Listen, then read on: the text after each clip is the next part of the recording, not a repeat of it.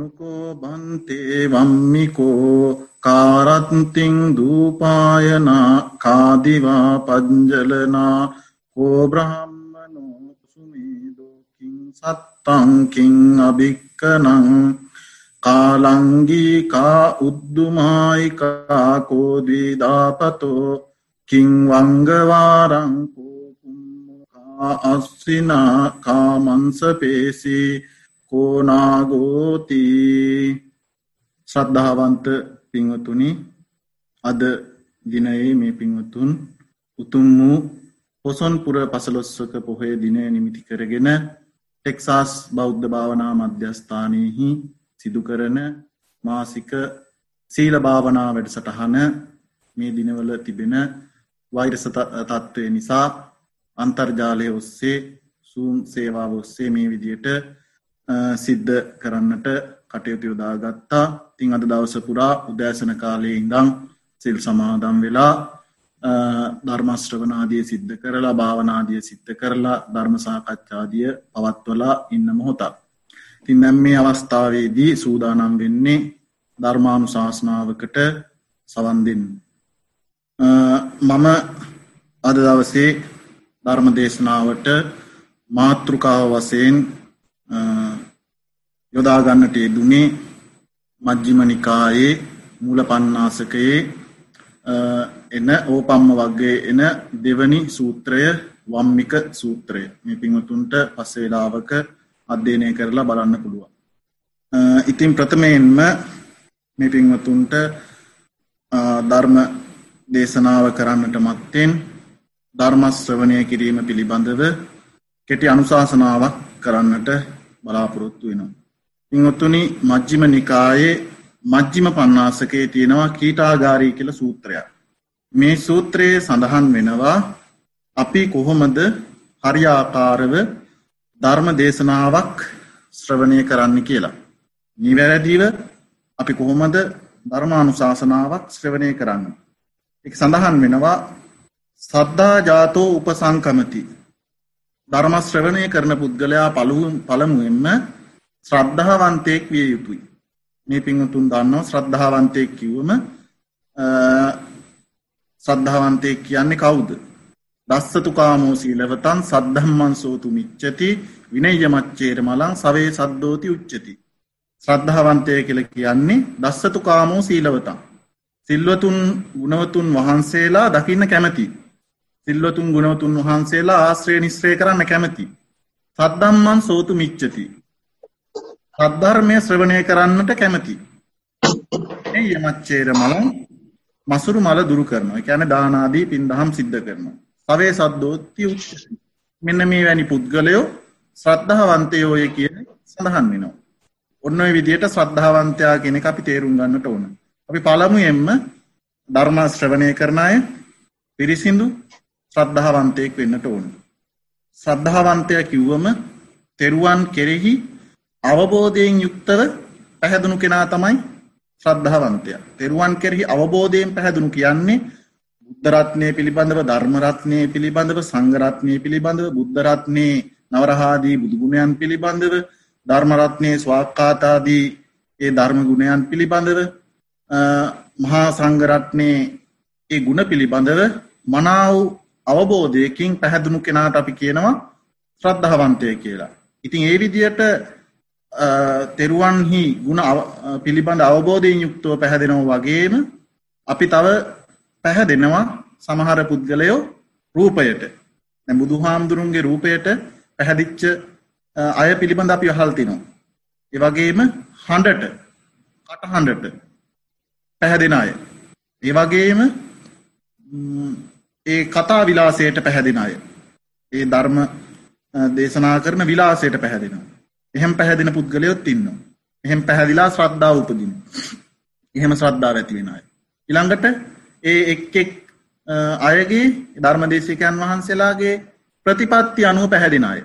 සමහරය යම්දුරුන්ගේ මේ වගේ හොඳ ප්‍රතිපත්ති තියෙනවා මේ විදියි කියලා ඒ විදියට ඒ ප්‍රතිපත්ති කෙරෙහි පැහැදෙන අය. එතකොට ඔය දෙකෙන් අපි දෙවනියට කිව්ව රූපයට පහදින හඬට පහදින කතා විලාසයට පහදින ප්‍රතිපත්තිවලට පහදින ඒ ශ්‍රද්ධාව නිවනට හේතු වෙන්නේ නැහැ. ඒකට කියනවා අමූලිකා ශ්‍රද්ධා කියලා.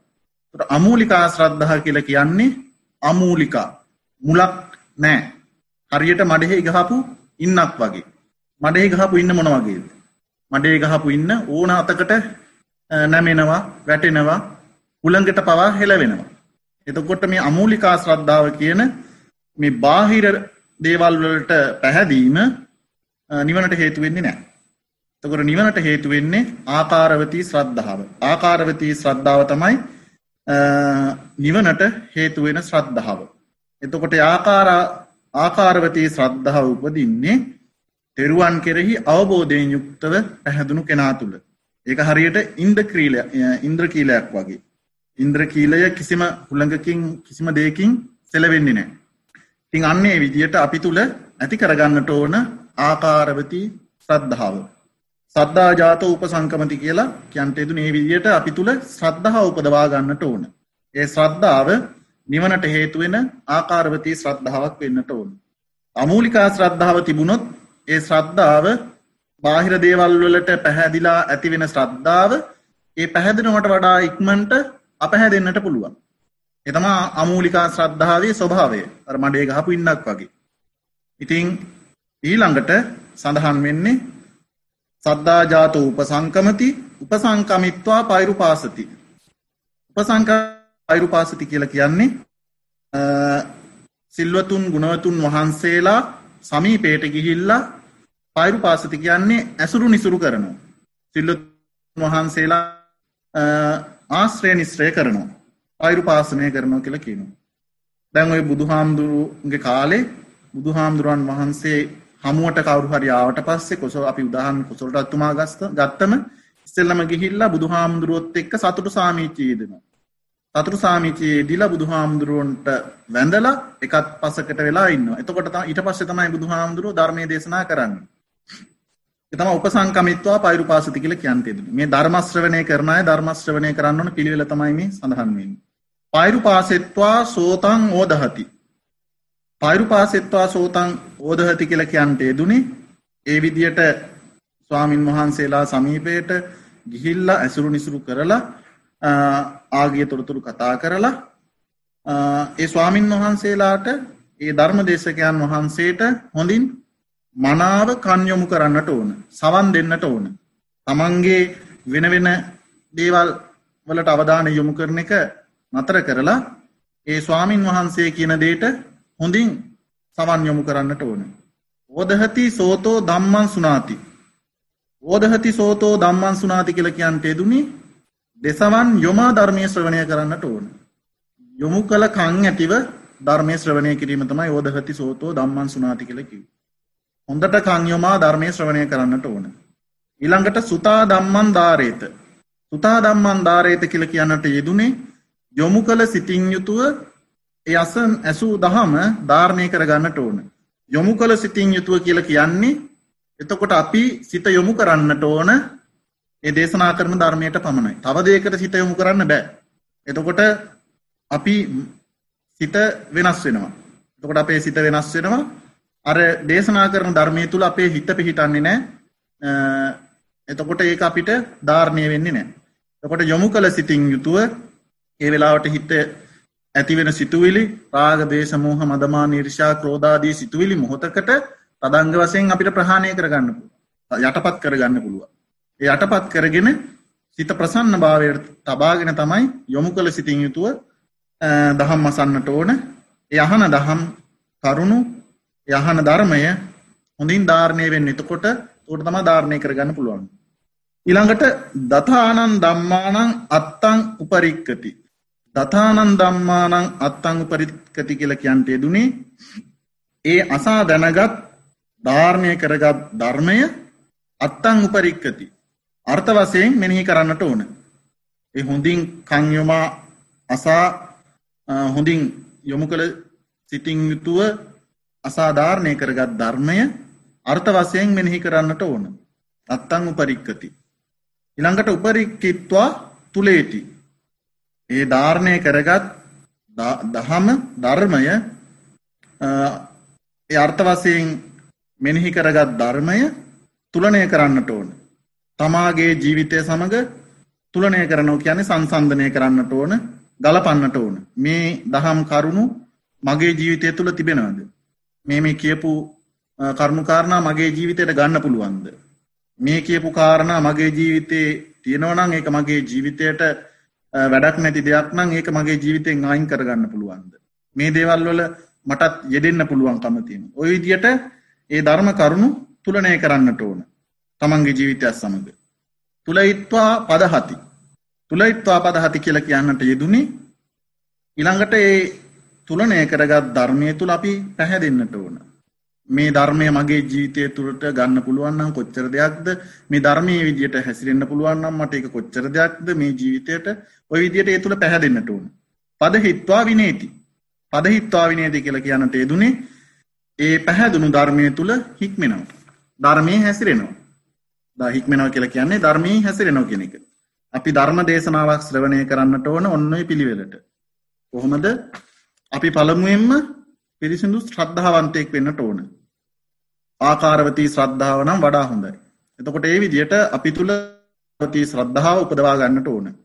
ඊළඟට උපසංකමිත්වා පයිරු පාසති.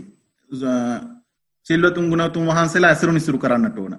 ඉළඟට ධර්ම දේශනාවක් ශ්‍රවණය කරනකොට හොඳින් යොමු කළ කංවලින් යුතුව දෙසවන් යොමු කරලා ධර්මය ශ්‍රවණය කරන්නට ඕන.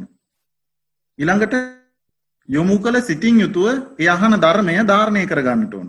යොමු කළ සිතින් කියල කියන්නේ හිත එහෙම හියන්නට නොදී හිත එක් තැන් කරගෙන වෙන දේවල්වලට හිත යොමු කරන්නේ නැතිව ශ්‍රවණය කරන්නට ඕන. දැන් අපි දන්නවා ගොඩක් අය ධර්මශ්‍රවණය කරනවා විවිධ විදියට. ඉතින් සමහර වෙලාවට අන්තර්ජාලය ඔස්සේ ඔය නොෙක් විදිට අපිට ධර්මශ්‍රවණය කරන්න පුළුවන්. සමහරලාවට අපි ගොඩක් අය මොකරි වැඩක යෙදින ගමනුත් ධර්මශ්‍රවණය කරන. උදේ ඉන්න රෑනකම් විදිර උදේටත් බනහනවා හවසටත් බනහනවා උයන වෙලාවටත් බනහනවා තින් ඔය ඕක යොමු කළ සිතින් යුතුව බනැසීමක් නෙවෙයි. යොමු කළ යුතු සිතින් බනහනව කියල කියන්නේ වෙන කිසි දේකට හිත යොමු කරන්නේ නෑ. මේ පින්වතුන් දන්නවා විධර්මයට අනුව එකවර සිද් දෙකක් උපදින්නේ නෑ. එතකොට එකවර වැඩ දෙහෙකට සිත යොමු කරන්න බෑ. එහෙමනම් ඒ බණහන වෙලාවට යොමු කළ සිතින් යුක්තව මනාව ධර්මය ශ්‍රවණය කරන්නට ඕන. එතකොට තමයි ධර්මය අපිට හොඳින් ධාරණය වෙන්නේ. ධාරණය කරගන්න පුළුවන්කම ලැබෙන්නේ. ඊළඟට ඒ එහෙම ධාරණය කරගත් ධර්මය අර්ථ වශයෙන් මෙනෙහි කරන්නට ඕන. ඒ ධර්ම කරුණු වල අර්ථය මෙයයි මෙයයි කියලා ඒ විදිහට මෙනෙහි කරන්නට ඕන. ඊළඟට ඒක තුලනය කරන්න සංසන්ධනය කරන්නට අපේ ජීවිතයත් එක්ක ගලපන්නට ඕන. ඒ ධර්ම කරුණු. ඒ දහම අපේ ජීවිතයත් එක්ක ගලපන්නට ඕන. ඊළඟට ඒ තුළ පැහැදෙන්න්නට ඕන. අපේ ජීවිතටත් මේ මේ ධර්ම කරුණු අරගන්න පුළුවන්න මේ විදිට අපේ ජීත හැඩගස්සා ගන්න පුළුවන්න කොච්චරද කියලා කොච්චර දෙයක් දෙකලේ විදිට පැහැදින්නට ඕන. ඒ පැහැදුණු ධර්මය තුළ ඊළඟට අපි හික්මෙන්න්නට ඕන. ඇන ධර්මචාරයාවේ ධර්මයට අනුව දීපවත ගත කරන්න ඕන කියන එක. ඔන්න විදියට තමයි අපි ධර්ම දේශනාවක් ශ්‍රවණය කරන්නට ඕන. ඔය විදියට ශ්‍රවණය කරොත් තමයි ඒක අපිට නිර්වාණගාමී ප්‍රතිපදාවට හේතුවෙන්. එහෙමත් නැත්නම් ඒක අපිට නිර්වාණගාමී ප්‍රතිපදාවට හේතු වෙන්නේ නැහැ. සමහරලාවට බණහන එකත් අමාරු කටයුත්තක් එපා වෙන කටයුත්තක් වෙනවා. ඉතින් දැන් මේ අවස්ථාවේදී ඉහතදී ඒ දේශනා කරන්නට යෙදුණු සූත්‍ර විස්තර කරන්නට බලාපොරොත්තු වෙනවා. ඉතින් පින්වතුනි මේ සූත්‍රය මජ්ක්‍ධිම නිකායේ මූල පණ්ණාසකේ ඕපම්ම කියන වක්ගේ දෙවනියට තියෙන සූත්‍රය. මේ සූත්‍රය දේශනා කරන්නට හේතුවෙන කතාපුුවත් තමයි සැවැත් නුවර ජේතවනාරාමී ලෝත්‍රා බුදුපාණන් වහන්සේ වැඩවාසය කරන සමයේ කුමාරකාශ්‍යප හිමියන් අන්දවනේ තමයි වැඩවාසය කරන්න. මෙම අන්දවාසේ අන්දවනේ වැඩ කරන කුමාරකාශ්‍යප හිමියන්ව හමුවට දිනක් දෙවි කෙනෙක් කෙනවා. ඒ කුමාරකාශ්‍යප හිමියන් ඉන්න අන්දවනයම ඒකාලෝකත් කරමින් දෙවි කෙනෙක් උන්වහන්සේ වැඩ ඉන්න තැනට පැමිණෙනවා. ඉතින් මේක ටිකක් දිග කතාවක් එක මං කෙටියෙන් කියන්නම් මේ දෙවි කෙනා පිළිබඳ තියෙන කතාව. මේ දෙවි කෙනා මේ පැමිණිච්ච දෙවි කෙනා කාශ්‍යප බුදුරජාණන් වහන්සේගේ කාලේ යහළු ස්වාමින් වහන්සේලා පස් දෙනෙක් හිටිය මේ පින්වතුන් සමහරට අහලා තියෙනත් ඇති මේ කතාව. ඉතින් ඒ කාශ්‍යප බුදුරජාණන් වහන්සේගේ කාලේ ශාසනය පරිහානියට පත්වෙච්ච කාලවකවානුව. ඉතින් මේ කාලවකවානුවේ ඉඳපු ස්වාමීන් වහන්සේලා ඉතාමත් දුස්සීල වෙලා මේ විදියට ශාසනය පිරිහිලා යනකොට මේ පස් දෙනා කල්පනා කරනෝ අපි මේ විදියට ඉඳල බැහැ අපි මේ බුද්ධ ශාසනයේදිම නිර්වාණාවබෝධය ළඟා කරගමු කියලා අපි තුන් දෙනා අපි පස් දෙනා පර්වතයකට ගිහිල්ල වීරියෙන් යුක්තව භාවනා කරමු කියලා මෙහෙම කතා කරගෙන ඉනිමගක් හදාගෙන පර්වතයකට ගිහිල්ලා ඒ පර්වතයට ගියාට පස්සේ අර ඉනිමග විසි කරව දානු නැවත එතකොට යන්න බැරි නිසා. එතකොට දැඩි දැඩි අධිෂ්ඨානයක් කරගන්නවා අපේ ජීවිත නැති වුණත් අපි නිවන් අවබෝධ කරගෙන මිස නැගිටින්නේ නෑ කියලා සති එතන එහෙම අධිෂ්ඨාන කරගෙන භාවනාවට යොමු වෙනවා. සතියකට ඇති වෙන්න පමණයි ආහාර පානාදිය අරංගී. තින් මෙහෙම භාවනා කරනකොට පළවෙනි ස්වාමින් වහන්සේ රහත් භාවයට පත්වෙනවා. තින් උන්වහන්සේ රහත් භාවයට පත්වෙලා එර්දියෙන් ගිහින් පිණ්ඩ පාති කරගෙන රැගෙනෙනවා. රැගෙන ඇවිල් අනිත් අයට දෙන්න හදනකොට ඒ අය ප්‍රතික්ෂේප කරනවා. මොකද මුලින් අධිෂ්ඨාන කරගත්තා මේ ගෙනපු කෑම පමණයි අපි භාවිතාවට ගන්නේ ඊට පස්සේ අපි මැරුණත් භාවනාව මිස වෙන දේකට යොමු වෙන්න නෑ කියලා. ඉතින් ඔහොම දෙවැනි කෙනත් අනාගාමී තත්ත්වයට පත් වුණා. ටික කාලෙක් දවසකින්. ඊළඟට අනිත් තුන් දෙනාට කිසිදු මග ඵලයක් ලබා ගන්න බැරුව මරණයට පත් වුණා. මරණයට පත් වෙලා එක්කෙනෙක් සුද්ධාවාස බඹලොව උපදින්නට යෙදුන මේ විදියට මේ පස් දෙනාගේ කතාව සඳහන් වෙනවා. ඉතිං ඔය මගඵල ලබාගන්න බැරුව මියගිය තුන් දෙනාගෙන් එක්කා එක් තමයි මේ සුද්ධාවාස බඹලො ඉපදුණු දෙවියන්. අනිත් එක්කෙන මේ කුමාරකාශ්‍යප හිමියන්. අනිත් එක්කෙන ධාරුචීරිය ධාරුචීරිය හාමුදුරුව. එතකොට පළවෙනි ස්වාමීන් වහන්සේ රහත් භාවයට පත්වෙනවා දෙවැනි පුද්ගලයා මට පොඩිතන පැරදුනා දෙවැනි පුද්ගලයා අනාගාමී තත්ත්වයට පත්වෙලා සුද්ධවාස බමලෝ උපදින තොට දෙවැනි කෙනා තමයි මේ දෙවියෝ. මේ කුමාරකාස්ස පිහිමියන් හමුටාපු දෙවියෝ. දෙවැනි කෙන අනාගාමීන්න කෙන. අනාගාමී වෙලා සුද්ධවාස බඹලුවට ගිපු කෙන. රනිත්තුන් දෙනා තමයි කුමාරකාශ්‍ය පිහිමියන් ධාරුචීරිය හිමියන් අනිත් කෙනා පුක්කු සාති රජතුමා. ඉතින් මේ සුද්ධවාස බඹලෝට ගියපු දෙවියන් අනාගාමි වෙලා ගියපු කෙනෙක් එයා බලනව මගේ අනිත් අය කොහොමද කියලා. එකොට දකිනවා මේ කුමාර කාශ්‍යප හිමියන්. දැකලා තමයි කුමාර කාශ්‍යප හිමියන් ඉන්න ඒ අන්දවනයට පැමිණෙන. ඉතින් මෙහෙම අන්දවනයට පැමිණිලා කුමාර කාශ්‍යප හිමියන්ට අර ඉහතදී මුලින් කියන්නට යෙදුණු මේ ප්‍රශ්න පහළව ඉදිරිපත් කරනවා. ඕනුකෝ බන්තේ වම්මිකෝ කාරත්තිං දූපායන කා දිවා පජ්ජලනා ඕ බ්‍රහම්මනෝ ඕ සුමේදෝ කින් සත්තං කින් අභික්කනං කා ලංගි කා උද්දුමායිකා කෝ දීදාපතෝ කින් වංගවාරං කෝ කුම්මෝ කා අපිසුනා කා මන්සපේසි ඕනාගෝති තමයි ඔය යන්ට එදු ඉදිරිපත් කරන්නට යෙදුණු ප්‍රශ්න පහළව. ති මේ ප්‍රශ්න පහළ විදිරිපත් කරලා කුමාර කාශ්‍යප හිමියන්ට කියනවා මේ ප්‍රශ්න පහලෝ පිළිබඳව දැනගන්න පුළුවන්. වෙන කිසිදු කෙනෙක් නෑ එකම කෙනයිකන්නේ ඒ තමයි ලෝතුරා බුදු පියාණන් වහන්සේ. වහන්සේ උන්වහන්සේ සමීපයට ගිහිල්ලා උන්වහන්සේගෙන් මේ ප්‍රශ්න පහළවට පිළිතුරු උත්තර ලබාගන්න කියලා කියනවා. ඉතින් කුමාර කාශ්‍යප හිමියන් ලෝතුරා බුදු පියාණන් ඊට පහෝදාම් ලෝතුරා බුදු පියාණන් වහන්සේ හමුවට ගිහිල්ලා මේ විදියට පුවත කියනවා ඊ රාත්තිය මේ විදියට අන්දවනේ මේ කාලෝකාන්ත කරමින් දෙනෙක් පැමිණියා ඇවිල්ල මේ විදියට මෙම ප්‍රශ්න පහලවක් ඉදිරිපත් කළා මට මේ කිසිම දෙයක් තේරෙන්න ආග්‍යවතුන් වහන්ස මට මේ ප්‍රශ්න පහලෝ පාදල දෙන්න කියලා ලොතුරා බුදු පියාණන් වහන්සේට ඉදිරිපත් කරන්නට යෙදුණා. එතකොට මේ ප්‍රශ්න පහලවේ එනවා මුලින්ම ඒ පැමිණුණු දෙවි කෙනා කියපු විදියට මේ තුඹස රෑට දුම්දානවා තුඹසක් තියෙනවා මේ තුඹස රැයට දුම් දානවා. දවල්ට දිලිසෙනවා. ගිනි ගන්නවා වගේ. ඊට පස්සේ එක බමුණෙක් සුමේද කියලා කෙනෙක්ට කියනවා ආයුධයක් අරගෙන මේ තුඹස හාරන්න කියලා. බොහෝසේ වීරය යොදලා ඒ ආයුධය අරගෙන මේ තුඹස හාරන්න කියලා මේ සුමේද කියන පුද්ගලයට මේ බමුණ කියනවා. ඉතින් මේ සුමේද ඒ කියපු විදියට එය කියපු ආයුධය අරගෙන මේ තුඹස හාරන්නවා. මෙහෙම හාරගෙන හාරගෙන යනකොට මේ සුමේද කියන කෙනාට හිඳි අගුලක් හම්බෙනවා. මම මේ කරුණු පිළිබඳව පසුවට විස්තර කරන්නම් මුලින් කතාව කියලා ඉන්න. ඉතින් මේ හාරගෙන හාරගෙන යනකොට මුලින්ම හිඳි අගුලක් හම්බෙනවා. හිඳි අගුල කියන්නේ මොකක්ද? ඒ පිළිබඳව මම විස්තර පස්සේ කියන්නම්. ඊළඟට මේ සුමේද කියන බමුණට හිඳි අගුලක් හම්බුණා කියලා. එතකොට කියන සුමේද ඔය හිඳි අගුල අරන් පැත්තකට දාලා නැවත හාරන්න කියන. එම නැවත සුමේද කියපු විදිහට හාරනවා. එහෙම නැවත නැවත හාරනකොට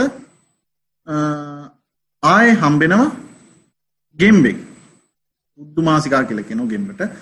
පාලියෙන් ගෙම්බෙක් හම්බෙනවා. එතකොට ගෙම්බෙක් හම්බුනාම සුමේද කියනවා මෙන්න ගෙම්බෙක් හම්බුණා කියලා.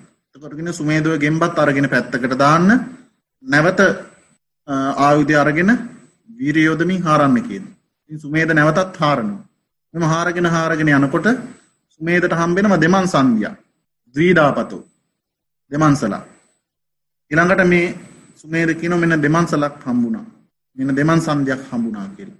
ඊළඟට කියන සුමේද ඒකත් අරගෙන පැත්තකට දාන්න නැවත ආයුධය අරන් හාරන්න කියනවා වීරිය යොදමින්. සුමේද වීරිය යොදමින් නැවත හාරනවා. මේ මහාරගෙන යනකොට නැවත හම්බෙනවා වංගවාරන් කරපෙරහණක්. කරපෙරහණක් හම්බුනාම කියනවා මෙන්න කරපෙරහණක් හම්බුණා. ඉතින් සුමේද ඔය කරපෙරහණත් පැත්තකට දාන්න.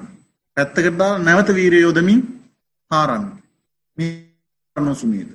ගෙන හාරගෙන යනකොට සුමේදට හම්බෙනවා ඉබ්බෙක්. ඉබ්බෙක් හම්බුණා මෙන්න ඉබ්බෙක් හම්බුණා. සුමේදේ ඉබ්බත් අරගෙන පැත්තකට දාන්න. දාලා නැවත ආයුධ අරන් වීරිය යොදමින් හාරන්න. සුමේද හාරනවා. හාරගෙන හාරගෙන යනකොට සුමේදට හම්බෙනවා මස් කපන කැත්තකුයි මස් කොටයකුයි. මස් ලොඹුව කියන කොටයට මස් ලොඹුවකුයි මස් කැත්තකුයි හම්බෙනවා. හම්බුනාම කියන මේ මස් කපන කැත්තකුයි මස් ලොඹුවකුයි හම්බුණා. සුමේද මේ මස් කපන කැත්තත් මස් ලොඹුවත් පැත්තකට දාලා නැවත ආයුධය අරන් වීරිය යොදමින් හාරන්න. සුමේද හාරනවා. මෙහෙම හාරගෙන හාරගෙන යනකොට නැවත සුමේදට මස් වැදල්ලක් හම්බෙනවා. මස් කෑල්ලක් පෙන්න්නනො මෙන්න මස් කෑල්ලක් හම්බුනා කියලා. සුමේදේ මස් කෑල්ලත් අරගෙන පැත්තකට දාන්න. පැත්තකට දාලා නැවත ආයුධ අරගෙන වීරය යොදමින් නැවත හාරන්න. සුමේද කියපු විදියට හාරන. මහාරගෙන හාරගෙන යනකොට සුමේදට දකින්න ලැබෙන නාගයෙක්. නාගයෙක් ඉන්නවා කියලා කිව්වම සුමේදේ නාගයට වඳින්න.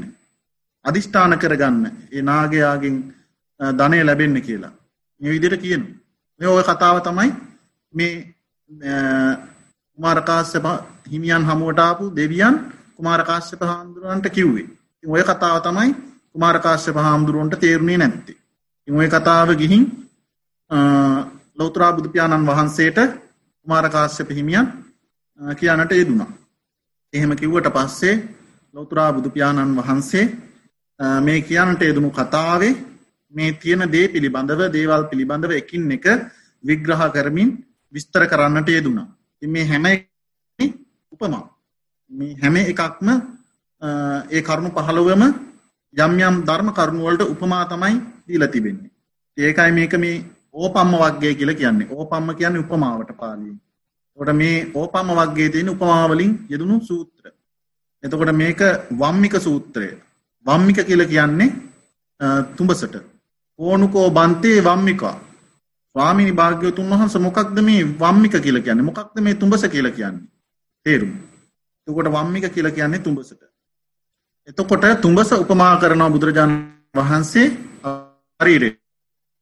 මේ ආපෝ තේජෝ වායෝ පඨවි කියන මේ සතර මහා භූතයන්ගෙන් සැඳුන්ලා ශරීරයට තමයි තුඹස කියලා කියන්නේ. ඒකට ඇයි මේ තුඹස කියලා බුදුරජාණන් වහන්සේ මේ ශරීරයට කියන්නට යෙදුනේ? අපි දන්නවා තුඹස මොන වගේද කියන්නේ. තොර තුඹස කොහොමද හැදෙන්නේ තුඹස හැදෙන්නේ වේයගෙන් වේයා වමාරණ කෙල මැටි සමග මිශ්‍ර කරලා තමයි තුඹස නිර්මාණය කරන්නේ එතකොට දෙමව්පියන්ගේ සම්බෝගය නිසා තමයි මව සහපියාගේ එකතුවීම නිසා තමයි අපි නිර්මාණය වෙන්නේ. ඒ විදියට උපමා කරලා තමයි මේ තුඹස අපේ ශරීරයට උපමා කරන්ට යෙදුනේ. ඒවගේම තමයි මේ පින්වුතුන් දන්නවා තුඹසක් කියල කිව්වම තුඹ තුළ බොහෝ සතුන් ඉන්නවා. බොහෝ ප්‍රාණින් ඉන්නවා. වේයෝ විතරක් නෙවෙයි. තුඹසත් තුළ සමහරලාට නාගයෝ ඉන්න පුළුවන්. සමහරලාවට තලගො ඉන්න පුළුවන්. සමහරලාවට කුරුමිනිියෝ ඉන්න පුළුවන්. සමහරලාවට පළඟ ඇටියෝ ඉන්න පුළුවන්. මේ විදිට නොයෙක් සත්තු මේ තුඹසක් තුළ ඉන්නට පුළුවන්. එතකොට ඒ තුඹස තුළ ඉන්න සත්තුන්ගේ උපං ස්ථානය වෙන්නේ තුඹස. එවගේම තමා ඔවුන් ලෙඩවෙඩා වැටෙන ස්ථානය ඒ තුඹස. එවගේම තමා ඔවුන්නේ මිය යන ස්ථානයක් ඒ තුඹ සමයි. එවගේම තමයි පින්වතුනි අපි මේ ශරීරය තුළත් අපි නොදන්නවා වනාට අසූ කුලයක ප්‍රාණීන් ඉන්නවා. අපි හැමෝම දැනුවත් පටපනුව කියලා සතෙක් ඉන්නවා එවගේ අපේ බඩේ සත්තු ඉන්න කීප දෙන පිළිබඳ අපි දැනුව ඔන්න විදිට අසූකුලයක සත්තු අපේ ශරීරය තුළ ඉන්නවා. එතකොට සත්තු උපදින අපේ ශරීරය තුළමයි. තොතේ සත්තු රෝගාතුර වුණාම ඒත් ඉන්න අපේ ශරීරය තුළමයි. එතකොට සත්තු ඉන්න ප්‍රාණීන් මැරෙන්නෙත් අපේ ශරීරය ඇතුළෙමයි. ඉතින් එතකොට තුඹසයි අපේ ශරීරයයි දෙක සමාන කරල බලන්නකොට ඒ දෙකම දුහාන්දුරුව ඔන්නෝක නිසා තමයි මේ තුඹස අපේ ශරීරයට උපමා කරන්නට යෙදුනේ. ඊළඟට කාරත්තිං දූපායනා ස්වාමිනි භාග්‍යවතුන් වහන්ස මේ රාත්‍රියයට දුම්දානව කියන්නේ මොකක්ද. බුදු හාමුදුරු පැහැදිලි කරනවා මේ රාත්‍රියයට දුම්දානව කියලා කියන්නේ මිනිස්සු හෙට වැඩ කරන්න තියෙන දේවල් පිළිබඳව අදරෑ සිතමින් පසු වෙනවා. මේ පින්වතුන් වුණත් හෙට දිනයට කරන්න තියෙන වැඩ පිළිබඳව අද දවසේ අදරාත්‍රයේදී එව පිළිබඳව කල්පනා කරනවා හිතනවා. එක තමයි බුදුපාණන් වහන්සේ මේ තුඹස රාත්‍රියයට දුම්දානව කියලා කියන්නට යෙදුම්. රාත්‍රියයට දුම්දානව කිව්වේ හෙට කරන්න තියෙන වැඩ අදරෑට හිතමින් පස්සු වෙනවා. ඊළඟට කා දිවා පජ්ජලනම් මේ දිවා කාලයෙහි දිලිසෙනවාගෙන්නේ මොකක්ද. මේ තුඹස දවල්ට දිලිසෙනවා. ඒ කියන්නේ රාත්‍රියයෙහි සැලසුම් කරපු රාත්‍රියයෙහි සිතමින් පසුවෙච්ච දේවල් දවල් කාලයට ක්‍රියාත්ම කායිකව ආජසිකව මානසිකව ඒ රාත්‍රිය කාලයේදී සැලසුම් කරපුවා හිතපුවා දවල් කාලෙහි ක්‍රියාත්ම කරනු ඒක තමයිකිවේ දවල්ට මේ දිලස දවල්ට මේ තුඹස දිලිසෙනවා ගිනිගෙන දැවෙනවා කියල කියන්ටේ දුනේක රාත්‍රියයට මේ තුඹස දුම්දානවා දිවා කාලයට මේ තුඹස දිලිසෙනව හෙමන් නැත්නම් ගිනිගෙන දැවෙනවා වගේ.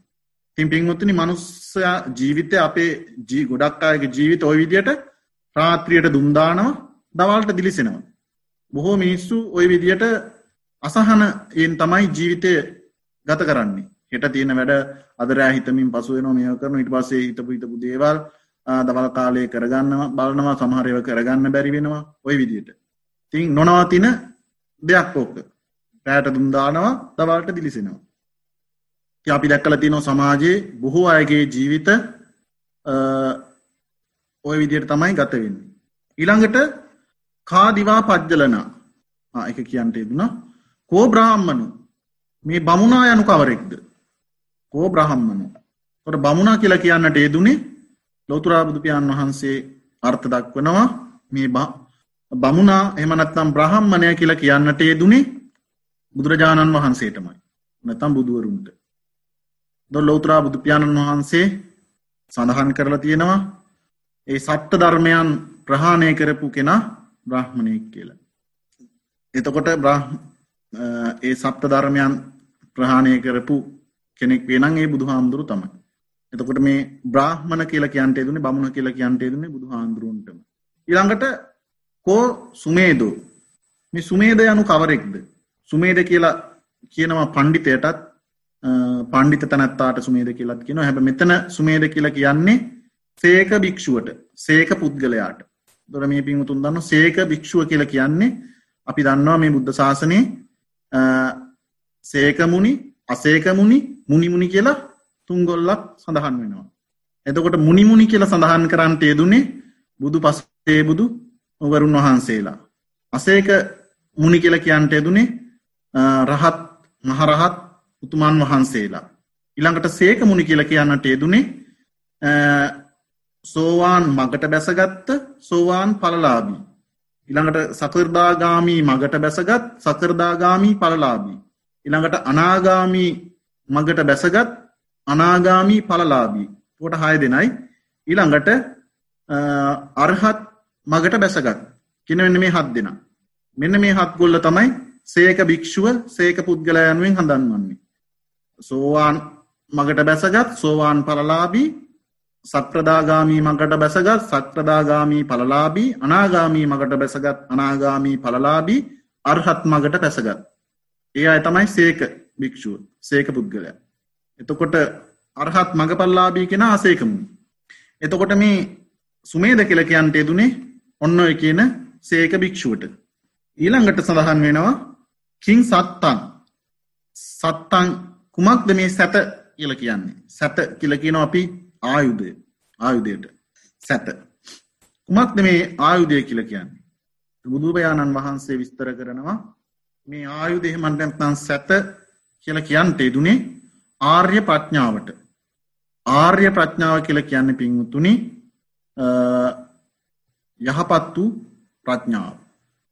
එත වහන්සේ මේ ආයුදයට මාන කරන්ට යෙදුනේ ආර්ය ප්‍රඥාව. මෙන්න මේ ආර්ය ප්‍රඥාව නැමති ආයුදයෙන් මේ තුඹස්ත නැමැති ශරීරය හොඳින් හාරන්නේ. මන්නත්තං හොඳින් විමර්ශනය කරන්න කියල තමයි ඒකෙන් අදහස් කරන්න. එම නැත්නම් මේ ආයුධයක් කරගෙන අපේ මේ ශරීරය කපන්න කොටන්න කිය නොනෙවේ ආයුදය නැමති ආර්ය ප්‍රඥාව නැමති ආයුදයෙන් මේ තුමස තුඹස නැමති ශරීරය එකින් එක විමර්ශනය කරන්න කියල තමයි කියන්නේ. එතකොට මෙහෙම මේ ආර්ය ප්‍රඥාව කියන ආයුදයෙන් මේ තුඹස කියන ශරීරය විමර්ශනය කරනකොට හාරහාර බලනකොට පලවිනිටම හම්බෙනවා හින්දි අගුල්ල මං හින්දි අගුල. හින්දි අගුල කියල කියන්න පින්වතුනි දොරාගුලට දොට ඒක බුදුපියාන් වහන්සේ පෙන්වා දෙන්නේ දොරාගුල කියල කියන්නේ හින්දියාගුල කියල කියන්නේ අවිද්‍යාව. මේ පින්වතුන් දන්නවා දොරකට අගුලක් දාලා තියෙනකොට එතකොට ඒ දොරෙන් මෙහා පැත්වෙන දේවල් අපිට පේන්න එහා පැත්තෙදින් දේවල් පේනෙත් නෑ ඔදැන් පිංවතුන්ගේ නිවසක දොරට අගුල දාලා තියෙනකොට අපිට ඒ දොරින් එපිට පේන්නේ නෑ ඉළඟට එපිට අපිට පිට ලෝකෙ පේන්නේ නෑ එපිට. ඒක නිසා අපේ මේ ජීවිතයේ යථා ස්වභාවය යථාර්ථය මෙන්න මේ අවිද්‍යාව කියන දොරාගුලෙන් වැහිල තියන්නේ. එතකොට අපේ මේ ජීවිතයේ යථාර්ථය කියන එක අපිට තේරුම් ගන්න බෑ මේ අවිද්‍යාව නිසා. එතකොට ඒ අවිද්‍යාව අර බ්‍රාහ්මණයා සුමේදට කියනවා ඒ හින්දියා ගුල අරගෙන පැත්තකට දාන්න කියලා. ඒ කියන්නේ මේ අවිද්‍යාව කියන එක දුරු කරන්න. අවිද්‍යාව නැති කරලා දාන්න කියලා කියන්නේ. ඊළඟට අවිද්‍යාව එහෙම නැති කරලා දැම්මට පස්සේ දුරු කරලා දැම්මට පස්සේ ඊළඟට හම්බෙනවා උද්දුමාසිකා එන ගෙම්බා මේ ගෙම්බව උපමා කරන්නට යෙදුනේ ක්‍රෝධයට. ඒමොකද අන්නව ගෙම්බ මොන වගේද කියලා. ගෙම්බා අපි දැන් සමහර වෙලාවට පාස්කණ්ඩියක් හරි මොක්කරි එහෙම පොළොව කොටනකොට හරි සමහරලාට පොළොවේ ගෙම්බොයින්න ගෙම්බ හම්බවෙච්ච ගෙම්බෙක් මේ වෙච්ච ගමම්ම ගෙම්බ කරන්නේ තමන් පිම්බෙනවා. අත කකුල් හතරෙන් ඉස්සිලා හොඳට පිම්බෙනවා. ඔකොට මේ ගෙම්බ අපිට හොඳට දර්ශනය වෙන තේහෙමුණා වෙන්නේ මේ වටපිටාව සැරිසරණ කාකොන්ට කපුටොන්ට සත්තුන්ට මුව හොඳට දර්ශනය වෙන. ඇවිල්ල මුව අරගෙන වාහාරයට ගන්න. එතකොට අපි තුළත් ඇතිවෙන ක්‍රෝධය පුංචි හරිවස්සයෙන් ඇතිවෙන ක්‍රෝධය මහත්සේ වැඩිල වැඩිල වැඩිලා ඒ ක්‍රෝධය විසින්ම අපි විනාශ කරනු. දැන් අපි උදාහරණයක් ගත්තම නිකන් සාමාන්‍ය හිතල බැලුවම අපේ තුළ ඇතිවෙනවා තව කෙනෙක් පිළිබඳ පොඩි තරහ. ඒ පොඩි තරහා ටික ටික ටික ටික වර්ධනය වෙන නොෙක් නොෙක් දේවල් නිසා මොනොමොන හරි දේවල් නිසා පරණ දේවල් අලුත් දේවල් අලුතෙන් සිද්ධ ඔයගේ දේවල් නිසා මේ තරහ ටික ටික වැඩි වෙනවා. ඊට පස්සේ හිත ඇතුළේ කැකෑරෙනවා මොකක් හරි කරන්න ඕන මේකට පලියක් ගන්න නොහොමහොම ඇති වෙලා ඊට පස්සේ බයිනවා. පරුස වචනයෙන් බයින මේ විදිට එහෙම බයිනවා කරන ඊට පස්සේ අතින් පයින් ගහන්න හිතෙනවා. අතින් පයින් ගහන්න හිතන ඊළඟට කැති පොළු අරගෙන ඒ වගේ පහර දෙන්න ඉතුරු මෙහෙම ගිහිල් අන්තිමට තමනුත් විනාශයට පත්වෙන. ති ඔන්න නිසා තමයි මේ ක්‍රෝධය ගෙම්බ හා සමාන කරන්නට යෙදුණේ හරියට ගෙම්බවා ගෙම්බා පිම්බිලා පිම්බිලා පිම්බිලා තමන් විනාස කරගන්නවා වගේ මේ ක්‍රෝධයත් අපි තුළ වැඩිල වැඩිල වැඩිලා ඒ තුළින් අපේ විනාසය ළඟාවෙන. එනිසා මේ ක්‍රෝධය දුරු කරන්න කිව්ව. අර බ්‍රාහ්මණය කියන සුමේදට ඒ ගෙම්බත් අරගෙන පැත්තකට දාන්න පැත්ත කරදාල නැවත වීරය යොදමින් ආයුධය අරගෙන හාරන්න කියල කියන්ට යෙදුනේ ඒ ආයුධ නැමැති ආර්ය ප්‍රඥාව නැවත නැවත වීරය යොදවමින් ආර්ය ප්‍රඥාවෙන් අපේ මේ ශරීරය විමර්ශනය කරන්න ශරීරය අපේ මේ ඇතුලාන්තය පිළිබඳව. ඊළඟට එන්නේ දවීදාපතු කා දවීදාපතු මොකක්ද මේ දෙමන් සන්දිය කියන්නේ. මොකක්ද මේ මාර්ග දෙකක් කියල කියන්න. මාර්ග දෙකක් කියල කියන්නලා බුදුරාජාණන් වහන්සේ උපමා කරන්ට යෙදන පින්තුනේ විචිකිච්චාව එමනත්නම් සැකය විචිකිච්චාව බොහොම භයානක දෙයක්. ොට මේ විචිකිච්චාව ඇති වුණොත් අපි යන මාර්ගය සහමුලින්ම වෙනස් වෙන. අපි යන මේ නිර්වාණගාමී මාර්ගය නිර්වාණගාමී ප්‍රතිපදාව පූර්ණයෙන්ම වෙනත් පැත්තකට හරවන්න පුළුවන් මේ විචිකිච්චාවට. එතකොට මේ විචිකිච්චාව නැත්නම් සැකය කියලා කියන්ට යෙදුනේ බුද්ධාදී අටතැන්හි පිළිබඳ ඇතිවෙන සැකය. බුදුරජාණන් වහන්සේ පිළිබඳ සැකේ ධර්මරත්නය පිළිබඳ සැකේ සංගරත්නය පිළිබඳ සැකය ශික්ෂාපද පිළිබඳව සැකය පෙරාත්නය පිළිබඳව සැකය මතුආත්මය පිළිබඳව සැකය පෙරාත්මයත් මතුආත්මයක් දෙක පිළිබඳව ඇති සැකය ඉළඟට පටිච් සම්පාදය පිළිබඳ ඇති සැකය. ඔය විදියට ඔන්න ඔය කියන බුද්ධාදී අට තැන්හි ඇතිවෙන සැකය අපි දුරු කරන්නට ඕන.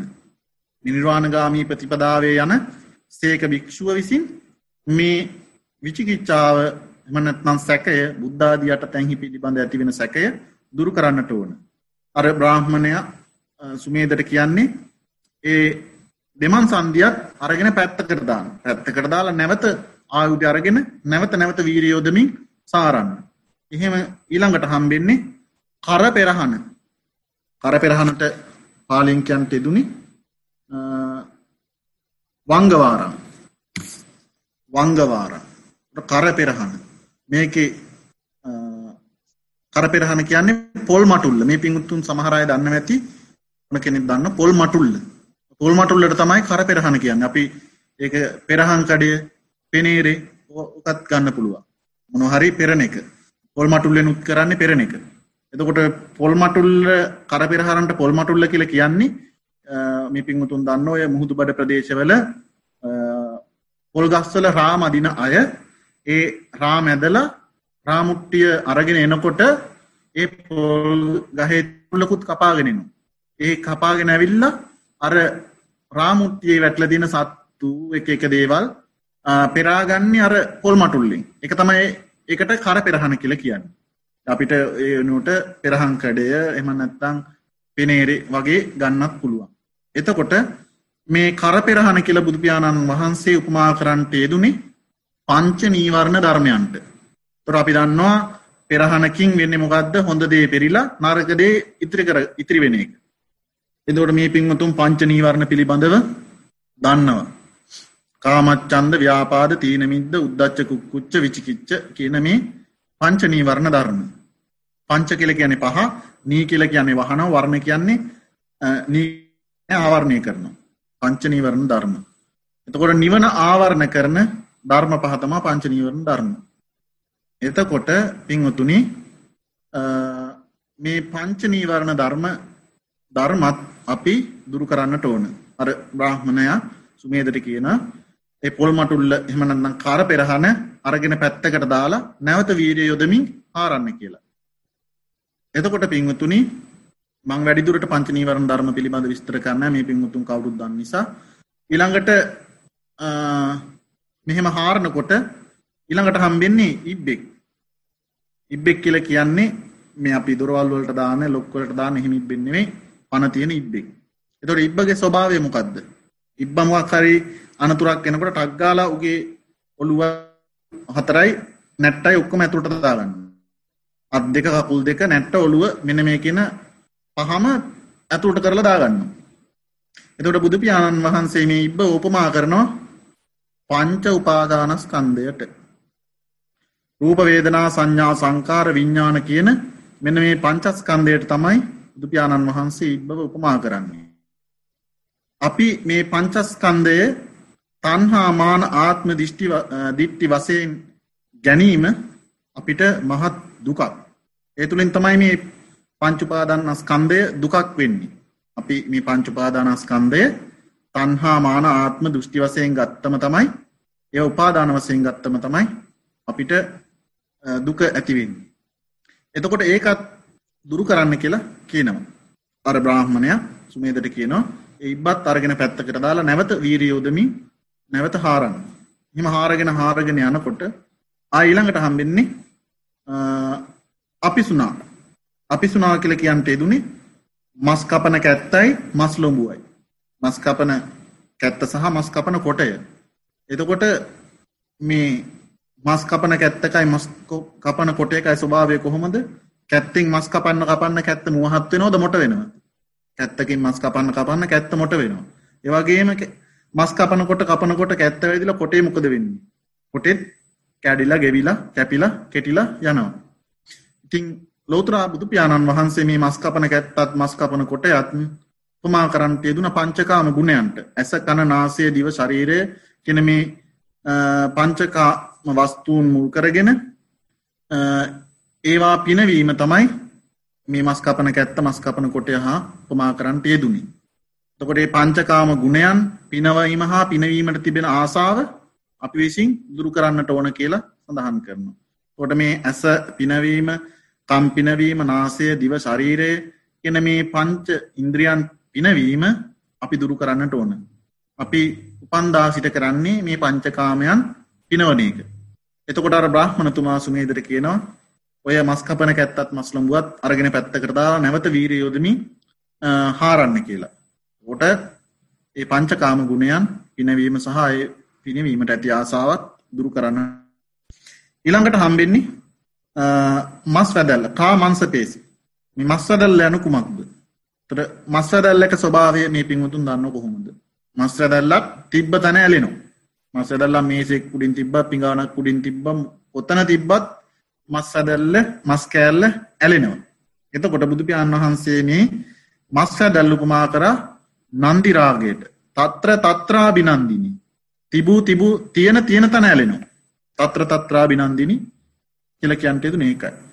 තත්‍ර තත්‍රාබී නන්දිනී නන්දිරාග සහගතා. ඔය විදියට මේ නන්දිරාගේ පිළිබඳව මනත්නම් තන්හාාව පිළිබඳව විස්තර කරනු.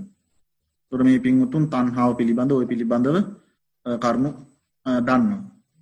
එතකොට මේ හැම දෙයක් පිළිබඳම ඇලෙන මේ තන්හාාව අපි විසින් දුරු කරන්නට ඕන. තාම තන්හා බවතන්හා විභව තන්හා ඔයුදිට මේ තන්හාාව එක එක විදිට විස්තර වෙනවා. එතකොට මෙන්න මේ හැම දෙයක් පිළි කෙරෙහිම ඇලෙන තන්හාාව අපි දුරු කරන්නට ඕන. එක අර බ්‍රහ්මණය අසුමේදට කියන්නේ මේ ඔය මස් අඩල්ලත් පැත්තකට දාලා නැවත වීරයෝදමින් හාරන්න. එතකොට ඒ නන්දි රාගහෙමන්ටත්තන් තන්හාාව අපි දුරු කරන්නට ඕන. ඊළඟට හම්බෙන්නේ නාගයා කෝ නාගෝති නාගයා යනු කවරෙක්ද. එතවට බුදුපියන් වහන්සේ මේ නාගයා කෙලකුමා කරන්නට යෙදුනේ රහත් උතුමන් වහන්සේට. එතකොට අර බ්‍රාහ්මණයක් සුමේදට කියනවා සුමේද ඒ නාගයට වන්දනා කරන්න ඒ නාගයාගෙන් ධනය ලැබෙන්න කියලා අධිෂ්ඨාන කරන්න කෙල් කියන්ට යෙදුනේ ඒ රහත් භාවය තමන්ටත් ලැබෙන්න ලබාගන්න කියන එක. ඒ රහත් භාවේ ධනය ලබාගන්න කියල කිව්වේ තමන් ඒ රහත් භාව ලබාගන්න කිය. එතකොට ඔය විදියට මෙන්න මේ කරුණු පහ වම්මික කරුණු පහලව වම්මික සූත්‍රය තුළ විස්තර වෙනවා. මේ පින්වතුනුත් ඉඩ තියෙන වෙලාවක ඔය පිළිබඳව ඔයල බලන්න. මේ නිර්වාණගාමී ප්‍රතිපදාව ගැන තමයි මේ වම්මික සූත්‍රය ඔය විදියට විස්තර කරන්නේ. ඉතින් ලෝතුරා බුදුපාණන් වහන්සේ මේ සූත්‍රයේදී තාමත් ලස්සනට මේ නිර්වාණගාමී ප්‍රතිපදාවෙහි යෙදෙන් ඕනාකාරය උපමාශ්‍රයෙන් ඉතාමත් ලස්සනට දේශනා කරලා තියෙනවා. ඉතිං අපිට මේ වම්මික සූත්‍රය තුළින් තේරුම් ගන්න පුළුවන් නිර්වාණගාමී ප්‍රතිපදාවේ නියලන ඇපි කොහොමද නිර්වාණගාමී ප්‍රතිපදාවේ නියලෙන්න ඕන මොනවාද අපි දුරු කරගන්නට ඕන කියලා මේ සූත්‍රය තුළින් උපමා ආශ්‍රයෙන් අපිට තේරුම් ගන්නට පුළුවන්. ලෝතරා බුදුපාණන් වහන්සේගේ දේශනා විලාසය තුළ නොෙක් විදිේ දේශනා විලාසතියන බුදුපාණන් වහන්සේ කෙලින්ම ධර්මය දේශනා කරනවා. එහෙම නැත සමහරලාවට උපමාශ්‍රයෙන් ධර්මය දේශනා කරනු. සමහරලාට පශ්න විචාරණ ක්‍රමයට ධර්මය දේශනා කරනු. ති ඔය ඔය විදියට මේක බුදුපාණන් වහන්සේගේ ක්‍රමයක්. උපමාශ්‍රයෙන් ධර්මය දේශනා කිරීම. ඉතිං මේ ධර්ම දේශනාව තුළින් මේ පින්වුතුන් හොඳට මේ ධර්ම දේශනාව ශ්‍රවණය කරනවා කරා වගේම මේක ධාරණය කරගෙන මේක අර්ථවසයෙන් මෙනෙහි කරලා මේක තමන්ගේ ජීවිතය සමඟ සංසන්ධනය කරලා මේ අපේ ජීවිතයට ගන්න පුළුවන්ද මේ විදියට ඒ තුලනය කරගෙන ඒ අනුව මේ පින්වුතුන්ගේ ජීවිතය හැඩගස්වා ගන්න කියලා මතක් කරනවා.